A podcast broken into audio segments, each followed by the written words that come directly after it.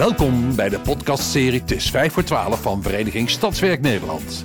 Met vijf vragen over een urgent thema die niet op een antwoord kunnen wachten. Vandaag vijf vragen over... De nieuwe gedragscode. Waar blijft die toch? Voor... Maarten Loeven, directeur Koninklijke Vereniging Stadswerk Nederland. Vraag 1. Nou, waar blijft toch die nieuwe gedragscode soortenbescherming gemeente? Tja, ja, de eindstreep is in zicht, maar we zijn er nog niet helemaal. Want op 18 september, bij het sluiten van de televisielegging, bleek dat er vijf zienswijzen zijn ingediend bij RVO. Die moeten nu zorgvuldig worden bekeken en RVO heeft zes weken de tijd om antwoorden te formuleren of aanpassingen op de gedragscode voor te stellen.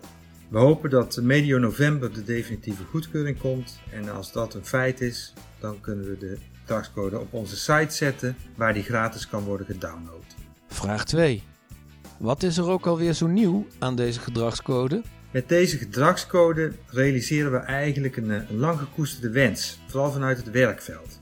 We hadden al een gedragscode bestendig beheer en een gedragscode ruimtelijke ontwikkeling. En die hebben we nu weten te combineren in één gedragscode. Nou ja, die is dan bovendien ook nog eens aangepast op de wet natuurbescherming en ook omgevingswet proefgemaakt. Dat hebben we gedaan met een hele brede uh, stadswerk klankbordgroep, waar zowel ecologen als beheerders in zitten. En die hebben er samen voor gezorgd dat er nu echt een goed werkbare gedragscode ligt om de natuurwaarden binnen de gemeente te beschermen. Vraag 3. Er is vijf jaar aan gewerkt. Waarom moest dit zo lang duren? Ja, vijf jaar dat is inderdaad wel echt een hele tijd. Dat komt ook omdat zo'n gedragscode dat vraagt om zorgvuldigheid. Er moeten verschillende belangen worden afgewogen en het moet dan ook nog eens een werkbaar document opleveren. Dat kost nu eenmaal veel tijd.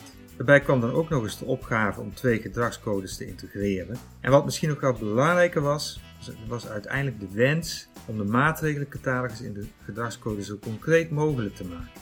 Daar heeft ook RVO in 2019 bergenwerk voor gezet. Voor stadswerk blijft eh, onze gedragscode in de eerste plaats een instrument om zorgvuldig handelen te stimuleren. Maar met de huidige maatregelencatalogus is ook toetsing in de praktijk door handhavers veel gemakkelijker geworden. Vraag 4. Een gedragscode voor alle gemeenten?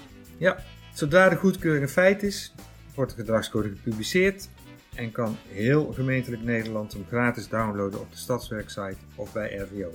Al het werk wat hiervoor de afgelopen vijf jaar is verricht, dat is betaald uit de Stadswerkverenigingskas. De stadswerkleden, dankjewel.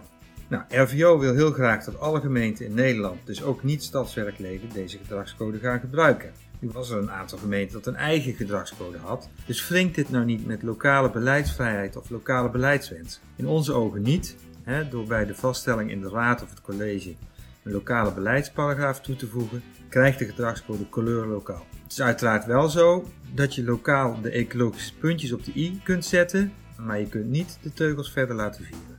Vraag 5. Kun je er zo mee aan de slag? Nou, na vijf jaar werk denken we dat er wel een heel duidelijk en concreet document ligt. Dus het antwoord is ja. Maar wat goed is, dat kan nog altijd beter. Dus we hebben ook een werkboek ontwikkeld bij de gedragscode en zullen na publicatie ook zorgen voor online voorlichting.